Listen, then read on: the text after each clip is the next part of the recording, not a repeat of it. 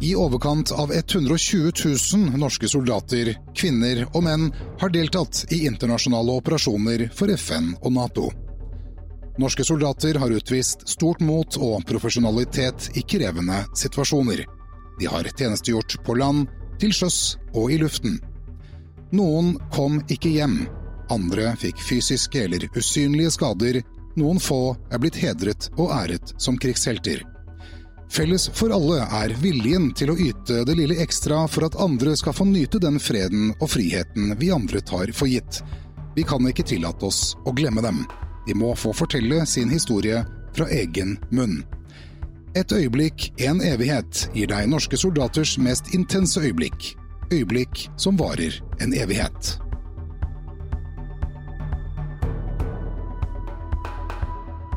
Vi hadde jo denne kjensla av å være i et område eh, som, eh, om det ikke var krig der, så var det et veldig aktivt fravær av fred. Velkommen hit til Et øyeblikk en evighet. Og uh, i dag skal vi tilbake til Libanon til en, en, av de tidligere kontingentene. Og med meg, med meg, i dag så har jeg ikke ukjente Harald Stanghelle, men kanskje litt ukjent at du har tjenestegjort i Libanon? Ja, men det har jeg. Jeg tjenestegjorde ett år fra mars 1979 til uh, mars 1980. Ja, men det begynte jo ikke der. Du, du har jo hatt et liv før, før, det også. Jeg vet jo at du var uh, tidlig inne i journalistikken. Du var, jobbet i lokalavisen. Nei da, jeg var redaktør for ei lokalavis i heimkommunen min, Vaksdal, og begynte vel eh, i, i, i, det når jeg var 19. 19, mm. det er jo tidlig å være redaktør. Mm. Eh, og før det så hadde du jo vært eh, også utenfor eh, landets grenser. På Grønland, var det det? Det var like etterpå, faktisk. Eh, men jeg bodde en del måneder på Grønland og drev med fiske og drev med litt fangst. og Eh, det var et eh, form for eventyr, på en måte. Og så ble du jo, som eh, alle vi andre, kalt inn til førstegangstjeneste? Mm. Jeg fikk utsetting mange ganger, og brukte alle trikset i boka for å få utsettelse. Men så var det omsider alvor, og jeg møtte på Evjemoen, som da hadde rekruttskole for infanteriet. Ja, og du fortalte meg tidligere at uh, du skulle ha tjenestegjort på eh, GSV. Jeg skulle tjenestegjort på garnisonen i Porsanger. Eh, jeg skulle videre der, men i mellomtida var jeg blitt valgt inn i Landsutvalget for tillitsmenn i Forsvaret som representant for Sør- og Sør-Vestlandet. Og det gjorde at jeg ble værende i Sør-Norge og ble plassert Eh, i Vatneleiren. Der holdt jo militærpolitiet til, så det var vel der de regna med at jeg kunne gjøre eh, minst skade. Men jeg hadde nok et halvår der jeg mer eller mindre jobba som tillitsmann på heltid. Reiste mye fra GSV i, nord og eh, til Lista i sør. Eh, og drev kurs og satt i en del utvalg, og jobba som, som tillitsmann i et veldig ganske fungerende system. Men du var ikke på det nivået vi vil kalle veldig operativ, og plutselig så fant du ut at du skulle dra til Libanon. Det, det, var vel en liten sånn overgang?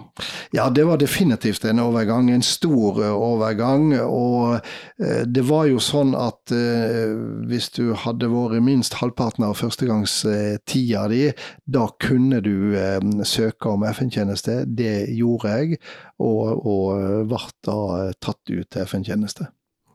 Hvordan var det å plutselig være i et uh, konfliktområde? Du, du, hadde jo vært litt politisk aktiv fra før, men hadde du noe begrep om hva, hva du som venta deg der nede? Nei, det hadde jeg ikke. Jeg hadde vært i Midtøsten tidligere, uh, i eh, Israel. Eh, men eh, det som venter oss i Libanon, tror jeg at jeg og mange med meg var nokså mentalt uh, uforberedt på.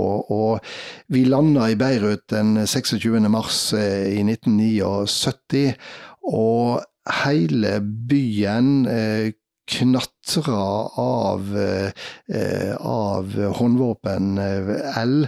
Eh, det var sporlys overalt, og det var et vanvittig bråk, og vi lurte på hva er dette, er det brutt ut eh, borgerkrig igjen, eh, hva skjer? Eh, og det tok tid før vi fikk greie på hva som hadde skjedd, fordi at akkurat den dagen, 26.3.1979, det var den dagen da fredsavtalen mellom Israel og Egypt eh, Menachem Begin og Anwar Sadat. Det var da den trådte i kraft. Og dette var eh, både libanesiske styrker, militser, men eh, ikke minst palestinske styrker, som da var, var veldig godt representert, for å si det forsiktig, i Beirut. Det var deres måte å protestere på, det var å skyte i lufta. Men det visste jo ikke vi, for vi kom definitivt ifra en kultur eh, der det å skyte vilt i lufta, ja, det var for å si det forsiktig, eh, det var framant. Og så ble du stasjonert i Eblesaki?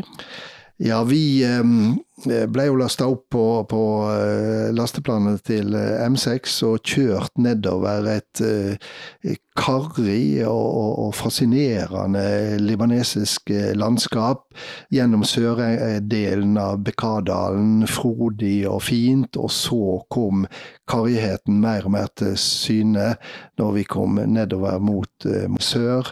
Og vi endte da opp, for mitt vedkommende i alle fall, i, i landsbyen Eblesaki. En landsby der det norske bataljonshovedkvarteret var, der stabskompaniet var, og der på den tida også et av geværkompaniene eh, hadde, hadde, hovedkvarter. Det var en by med en eh, miksa befolkning religiøst sett. Eh, det var eh, noen sjiamuslimer, det var drusere, eh, men den storparten var, var kristne. Det var lite folk igjen i eh, Ebelesaki da vi kom der. De aller fleste husene var eh, tomme, og ganske mange av dem ble brukt av oss eh, FN-soldater til å bo i.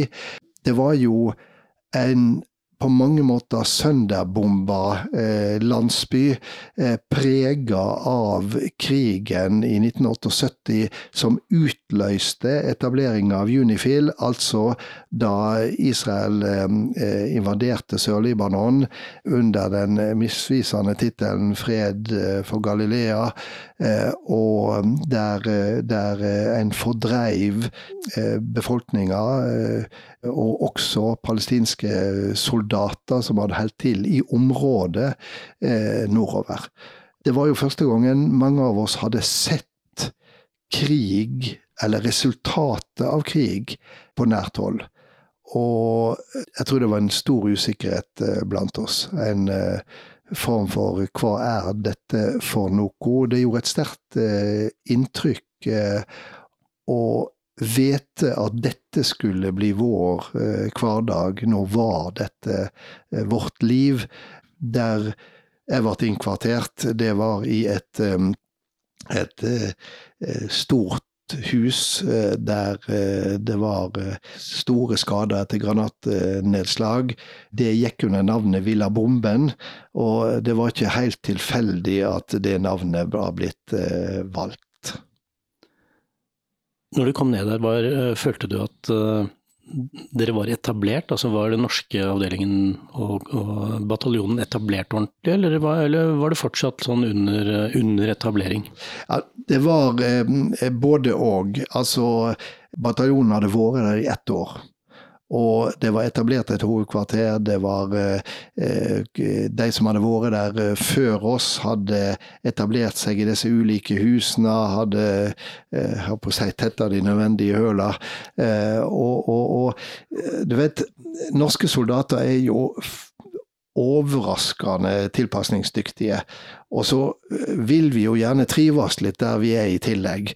Så det skal jo ikke mange månedene til før en etablerer eh, velferdstjeneste, men også der en etablerer et eh, kjøkken i kvarteret, og, og, når en var lei av å spise i messa, eller, eller, gå til disse prefabrikkerte eh, messepeltene, så, så lager vi mat sjøl og sånne ting. altså ja, jeg slutter aldri å forbause meg eh, over hvor tilpasningsdyktige eh, norske soldater er, sjøl om vi kommer fra et eh, det du nesten kan kalle altså et ekstremt trygt velferdssamfunn.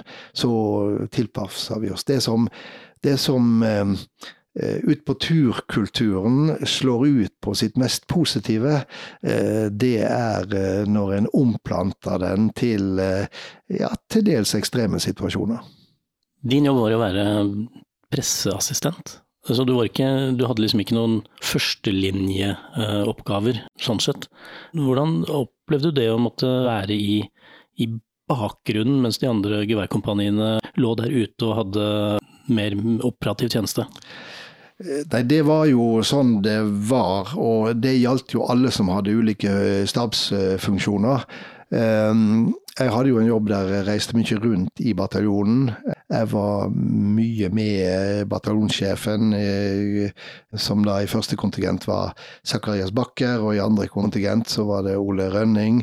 Ehm, to fine bataljonssjefer. Jeg var mye med de rundt. Eh, og eh, i tillegg så gikk vi som var i stabskompaniet vakter i Ebelesaki eh, gikk streifvakter eh, på, på natta, og, og, fikk sånn en viss følelse med den utryggheten det er å ikke helt vite hva du møter i ei mørk, mørk natt. Men det er klart at det var en annen dagligliv eh, vi hadde enn de som var i geværkompaniene, helt utvilsomt. Det som var likt, det var jo at eh, det var uh, veldig uh, mye skyting over vårt område. Jeg mener å huske at i rapporten fra Nobba 3 så står det at det er registrert og identifisert ca. 6000 granater som har gått over vårt område. Eh, og er registrert av våre observasjonsposter. Eh, noe som var en del av jobben. Så eh, det var, for å si det forsiktig, mye smell å, å høre. Og, og, og, vi hadde en bataljonssjef som sa at, at alt det som er i lufta, det skal jo ned en plass. Og jeg mener å huske fra den samme rapporten at eh, det var mellom 200 eh, og 300 nedslag i bataljonsområdet. Så vi hadde jo denne kjensla, uansett om du var på en uh, geværpost, eller om du, du, var i et geværkompani, eller om du var forlagt i en av landsbyene som en del var av oss var, uh, så hadde du hele tida denne kjensla av å være i et område eh, som, eh, om det ikke var krig der, så var det et veldig aktivt fravær av fred. Ja, det er et veldig bra uttrykk. Hva var du mest redd for? Hadde du noe du gikk og, og, og liksom frykta hele tiden? I utgangspunktet ikke, tror jeg. Men vi hadde jo ei veldig dramatisk oppleving eh, tre uker etter at vi kom ned. Eh, det var eh, tidlig på ettermiddagen, så vidt jeg husker. 18.4.1979. Da kom det plutselig et, noe voldsomme smell. Noe voldsomme eksplosjoner. Jeg var midt i Eblesaki da, og husker at jeg kasta meg ned og kraup inntil en, en forseggjort eh, steinmur som var der. Jeg skjønte intuitivt at dette ikke var noe som var over bataljonsområdet, eller som var fjernt for oss. Dette var nært, dette var tett, og dette var farlig. Og så kom jo denne kjensla Hva gjør jeg nå? Nå er stillheten her. Kan jeg søke dekning? Hvor søker jeg dekning? Så husker jeg jeg ble liggende en stund. og jeg kan ennå huske at, at, det er jo helt uh, merkelig hva for detaljer som en husker så mange år etterpå. Men jeg, jeg husker ei firfirsle som drev på og kraup på den eh, muren. Og ei firfisle var jo for meg eh, som vestlending nokså nok eksotisk. Så jeg ble liksom liggende der tett, tett inntil den muren og se på det. Så måtte jo noe skje, det var en stillhet, det kom ikke mer. Og, og da, da, tok jeg meg opp de 100 meterne fra der jeg lå, og til bataljonshovedkvarteret. Og da seig jo alvoret inn, fordi at det viste seg at midt i byen, et par hundre meter fra der jeg hadde lagt, der hadde det Eh, landa en av fire granater som, eh, som eh, var skutt mot Ebelesaki, og den hadde drept en av våre soldatkamerater, Jarle Varberg fra Evenskjær, så vidt jeg, Evenskjær i Troms, så vidt jeg husker. Og det var en, som, en soldat som var blitt, blitt skada, ganske hardt skada. Så da var det på en måte alvor. Ikke bare på en måte, det var blodig alvor. Og da var det også et uvirkelig alvor, for jeg tror nok at vi instinktivt hadde trodd at de blå hjelmene og de blå beretene hadde beskytta oss fra direkte angrep, men så opplevde vi at um, det var det ikke. Og jeg husker en av de som jeg bodde sammen med, sa det på kvelden at det var ikke derfor jeg kom hit. Da skjønte vi alvor. Ja, for dette var et direkte angrep fra israelerne med, med retta ild mot eh, saker med tungt artilleri. Det var det. Og um, det ble ikke offentliggjort før lenge, lenge etterpå at det var israelerne som uh, skjøt. Uh, det ble nok brukt overfor israelerne at en ikke offentlig gjorde det, men det var ingen tvil at det var de. De var sterkt involvert i Libanon på den tida. De lot offisielt som de ikke var informert, men det var de.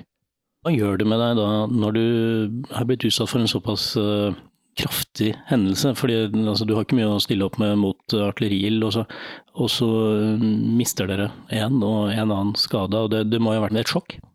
Ja, det tror jeg det var, eller det vet jeg det var. Det var så overraskende, og så går det an til å si at det er naivt å bli overraska over at det skjer den type dramatikk når du er i ei krigssone, men det var virkelig eh, overraskende.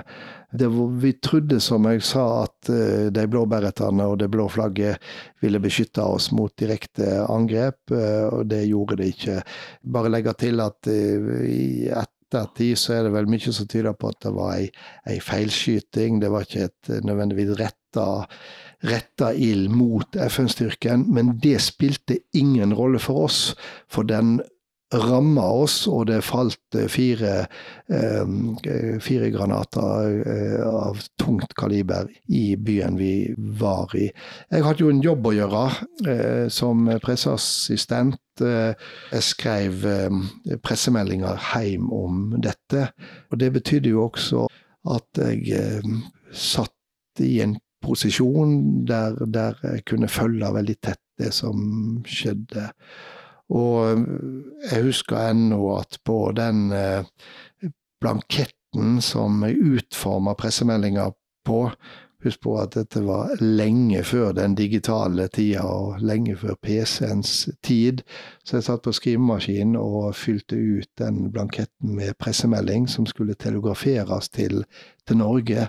Og nederst så fødde jeg til med håndskrift, for det kom til etter at eh, pressemeldinga var, var, ferdig formulert, så, så, står det nederst eh, PS, eh, eh, sjekk med Jarle Varbergs eh, foreldre om de kan gi beskjed til kjæresten hans, og så står det fornavn. Vi vet ikke etternavnet. Og da blir det en slags nærhet, det blir en slags alvor, det blir noe personlig over det. Det blir et uh, tap. Og det var en veldig Det var en veldig um, merkelig kveld. Det var en rar kveld. Det var mange lavmælte samtaler. Vi hadde organisert oss med såkalte troppsbarer rundt omkring og samles der. Og på kvelden så gikk eh, oberst Bakker rundt i alle disse troppsbarene og snakka med gutta. Og eh, jeg husker når han eh, forlot en av de, så tok han av seg oberstdistinksjonene på, på eh, kragen og, og, og, eh, leverte det inn i baren og sa at jeg får vel legge igjen eh, visittkortet mitt. Men det gjorde et veldig sterkt inntrykk, den tilstedeværelse fra bataljonssjefen. Og det gav en slags eh, styrke i, i, i det hele. Men det var ganske mange som snakka om at nå vil vi hjem. Det var ganske mange som sa at det er ikke derfor vi er kommet. Men så gjenerobra en på en måte Jeg vil ikke si hverdagen, men, men mange absurde hverdager etter det. Var det en hendelse som dere tok med dere da videre, og som du tok med deg videre? Du søkte jo rekap og, og fikk det. Du, du, du, fikk jo til og med opprykk, mm. merkelig nok. Ja da, eh, definitivt. Og det er jo en hendelse som har prega resten av eh, mitt liv så, så langt den sitter veldig sterkt i hukommelsen. Eh, både som en faktisk hendelse, men også det å kunne uh, gjenkalle de kjenslene og alle de motstridende kjenslene som uh, den hendelsen utløste.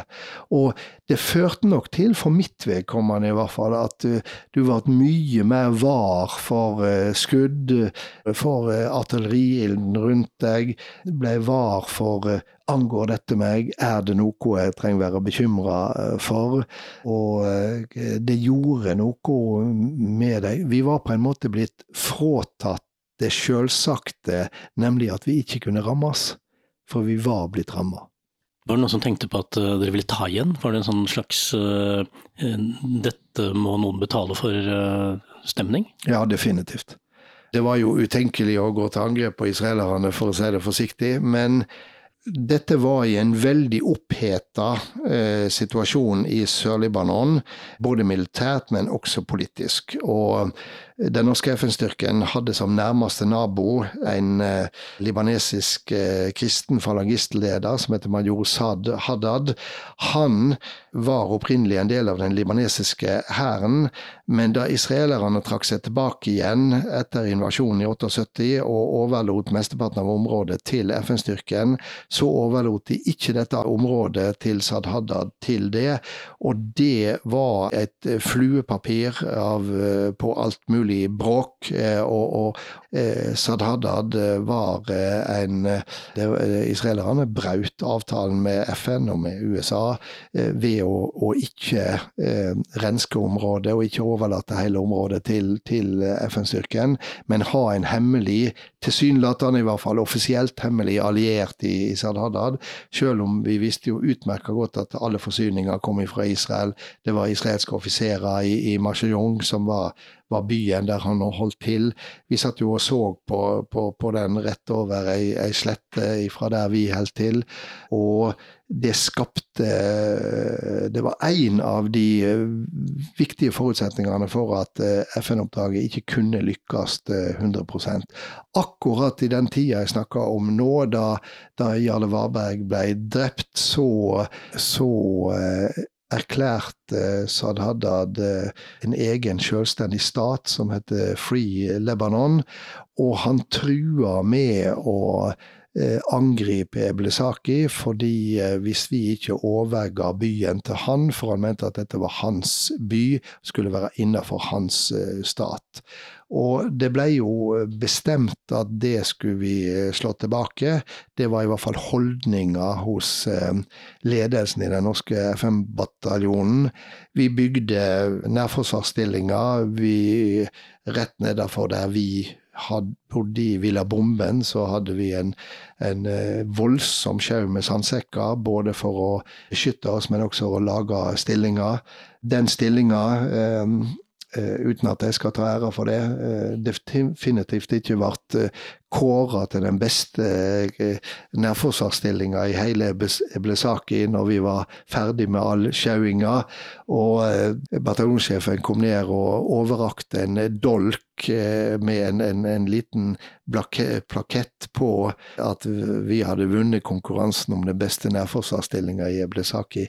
Men da var tonen at nå skal de få nå skal vi ta de, de skal ikke slippe unna. Og det var en veldig rar stemning da vi påska 79 satt i nærmest kontinuerlig beredskap. Hadde selvfølgelig de skuddsikre vestene, vi hadde våpna våre klare. Og vi var forberedt på at det kom til å skje noe dramatisk. Og i ettertid så går det jo kanskje an til å smile litt av det og sånne ting, men det er jo det at når du har fasiten hva som skjedde, eller i dette tilfellet hva som ikke skjedde, så er det jo enkelt å, å, å, å smile litt av den tonen og det at vi faktisk satt og var forberedt på, på, det. Men når du sitter og du aner ikke hva som skjer om en time eller om et døgn, da eh, er det helt annerledes. Var du redd noen gang? Ja, definitivt. Og jeg insisterer jo på at uh, hvis en ikke er redd i situasjoner som er skikkelig skarpe, ja, da er du litt dum. Du skal være redd. Spørsmålet er jo ikke om du er redd eller ikke. Spørsmålet er om du greier å fungere, eller om frykten tar uh, overhånd. Og vi hadde jo også situasjoner der frykten tok overhånd, og det var jo også medsoldater som, som både reiste hjem og måtte reise hjem, og som eh, der dette ble for tøft eh, for. Men de aller, aller fleste, de takla den frykten som måtte eh, være der. Og så er det jo sånn at du gjenerobrer jo en slags normalitet etter episoder som, som dette. De sitter der, de følger deg videre, de er en del av, eh, av deg sjøl, men du gjenerobrer en normalitet. Så det er ikke sånn at du etter det går og er redd hele tida, men du reagerer, og det tror jeg er sunt. Du fortsatte jo, du, du tok jo rekap. Var det andre incidenter da som eh, på en måte tok deg tilbake til denne hendelsen? Ja, det var det, men det var ingen som fikk så katastrofale konsekvenser som eh, denne. Husk for vi mista en medsoldats eh, liv, og en annen ble, ble skada for livet. Men det var definitivt episoder som som sørger for å holde dette ved like eh, inni deg mentalt sett. Nå var det ikke bare granatnedslag og, og drama mens du var der. Det, det, er jo et annet liv å være der? Det er det definitivt, og det er viktig å huske på. Altså, sjøl den eh, libanesiske litt lettere absurde unormaliteten blir en slags normalitet. Vi mennesker er tilpasningsdyktige, og det var ei tjeneste, det var en jobb. Det var eh, daglige eh, gjøremål som skulle utføres. Vi gjorde det så godt vi kunne, og av og til var det godt nok. Av og til så kom vi ikke lenger. Men eh, vi var jo der i hverdager, og det er alltid sånn i livet at det er, eh, det er flest eh, hverdager. Så mye ble rutine, en del var dørgende kjedelig. og det er også verdt å nevne når vi snakker om både internasjonale operasjoner generelt og Libanon spesielt, at det er ikke sånn at det oser av dramatikk 24-7. Mesteparten er kjedelig.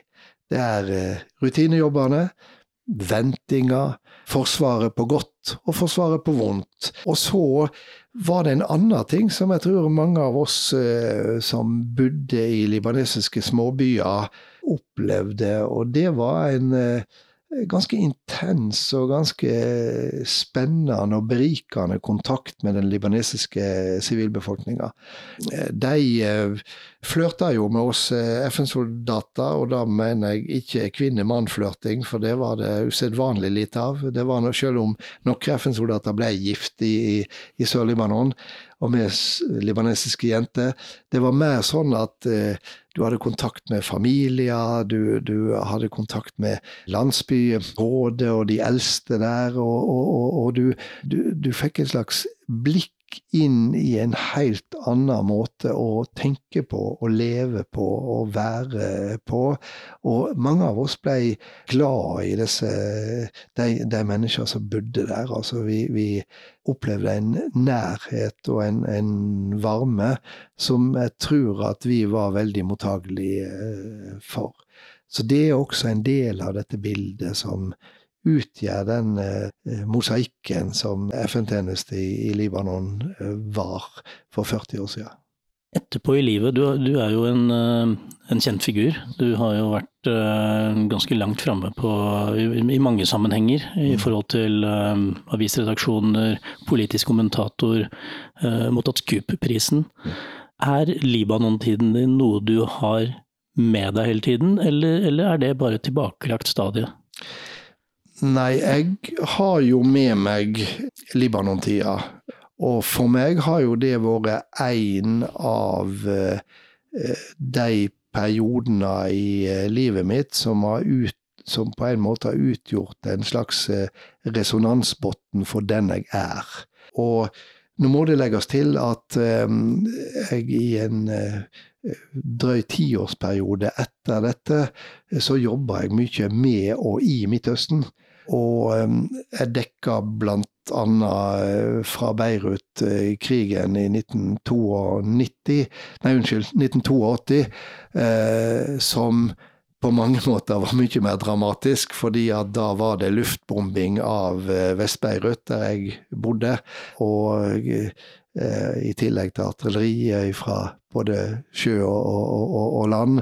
Og, og, det er klart det var en mye reell krigssituasjon, der sjøl vi som var journalister der, som jeg var, var ramma fordi det var en det var en eh, beleira by, og det var en by der vi hadde fått beskjed om å komme oss ut av, av israelerne.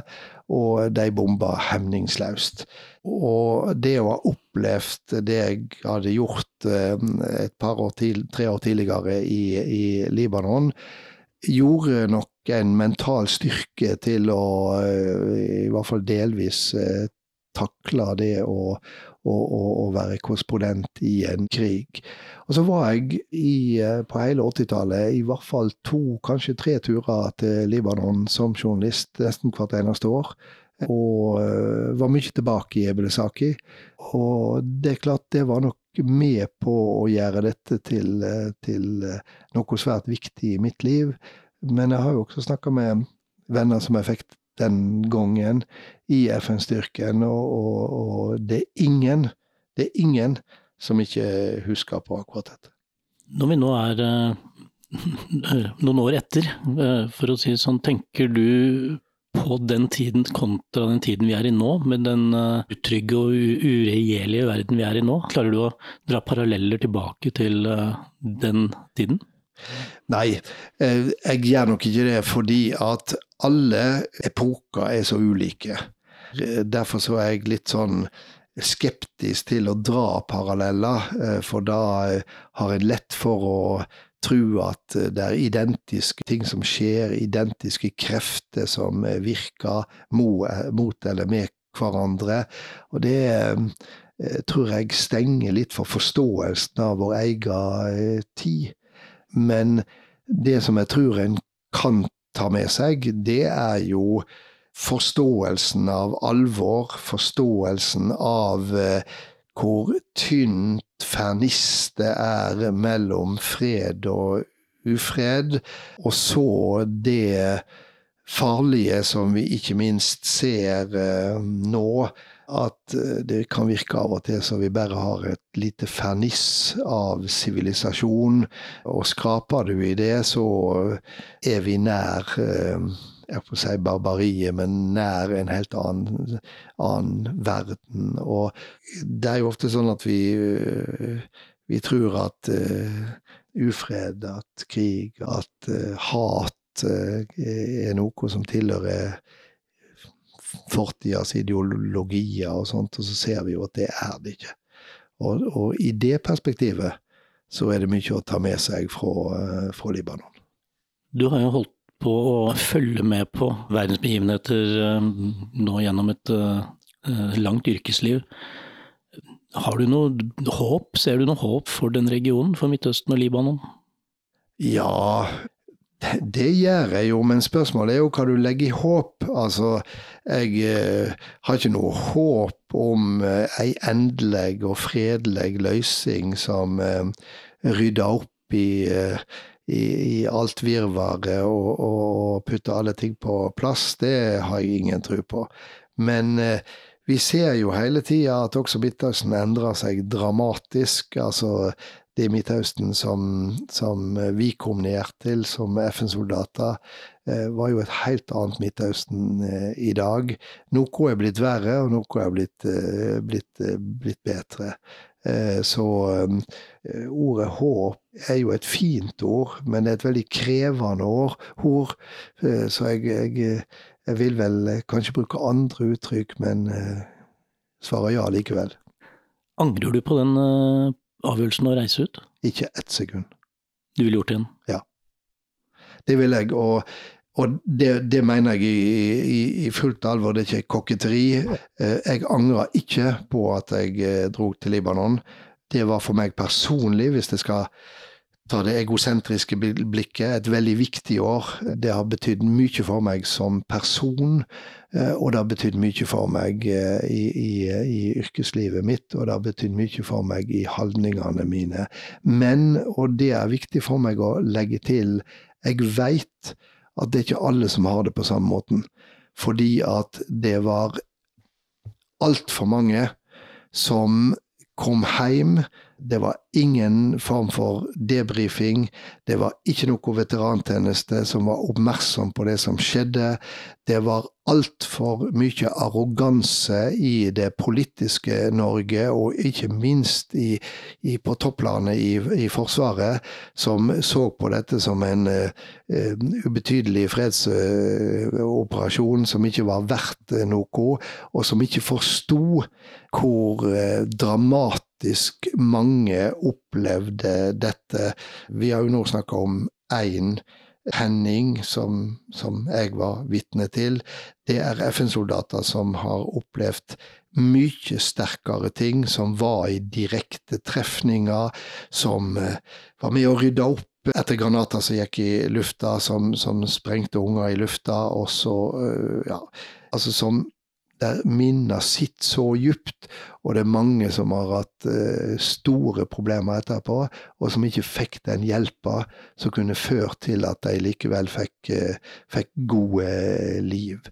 Og så tror jeg at, eller veit, at det tok altfor lang tid før Forsvaret og andre erkjente at Libanon-tjenester førte til at en del fikk uh, dype posttraumatiske stressyndromer og var ramma av, av, eh, det. Så når jeg svarer så, så spontant at, at, jeg ikke angrer, så krever det ei stemmeforklaring i den retninga. Fordi at selv om det er mitt svar, så eh, betyr ikke det at eh, der alle av mine medsoldater som kan, eller vil, eller bør svare det samme. I 2018 så arrangerte Forsvaret Unifil-jubileet. Synes du at eh, det er blitt en, eh, et annet syn på, på FN-soldatene og den tjenesten som man gjorde tidligere, kontra jeg, de moderne operasjonene Afghanistan, Irak og sånn? Har vi fått nok anerkjennelse nå? Det tror jeg vil være ulike meninger om hos de som tjenestegjorde i, uh, i Unifil, men det er jo ingen tvil om at uh, Unifil har fått en slags oppreising, og tjenester der har fått en slags oppreising eh, som ikke var for en del år siden. Vi har snakka en god del om det, det er dokumentert en god del. Det er skapt eh, i hvert fall i deler av det norske samfunnet, og, og, og eh, også i deler av Forsvaret, en større forståing for hva mange gjennomgikk der, og hvor dypt de såra sitter. Og jeg tror det har vært viktig. Jubileet i, i 2018 var viktig. Både Unifil-jubileet, tenker på Eh, paraden av gamle Unifil-soldater eh, som gikk gjennom Oslo sentrum. Det var en sterk oppleving. Jeg var, jeg var overraska over hvor sterkt inntrykk det gjorde på meg. Jeg gikk i den, eh, den paraden og, og, hadde vel kanskje på førhånd trodd at det var en spasertur, men det var noe mye mer enn en det. og og også 8. mai 2018 var jo til dels via Unifil. Fikk den æra å holde talen på Festningsplassen på veteranjubileet 8. mai på Akershus. Og det at um, en ble anerkjent på den måten, tror jeg betydde mye for, uh, for mange. Dette er en av mange unike historier om selvoppofrelse og mot fra våre soldater. Her lar vi soldatene selv fortelle om de intense øyeblikkene akkurat slik de opplevde det. Historier som rett og slett er blitt et øyeblikk, en evighet.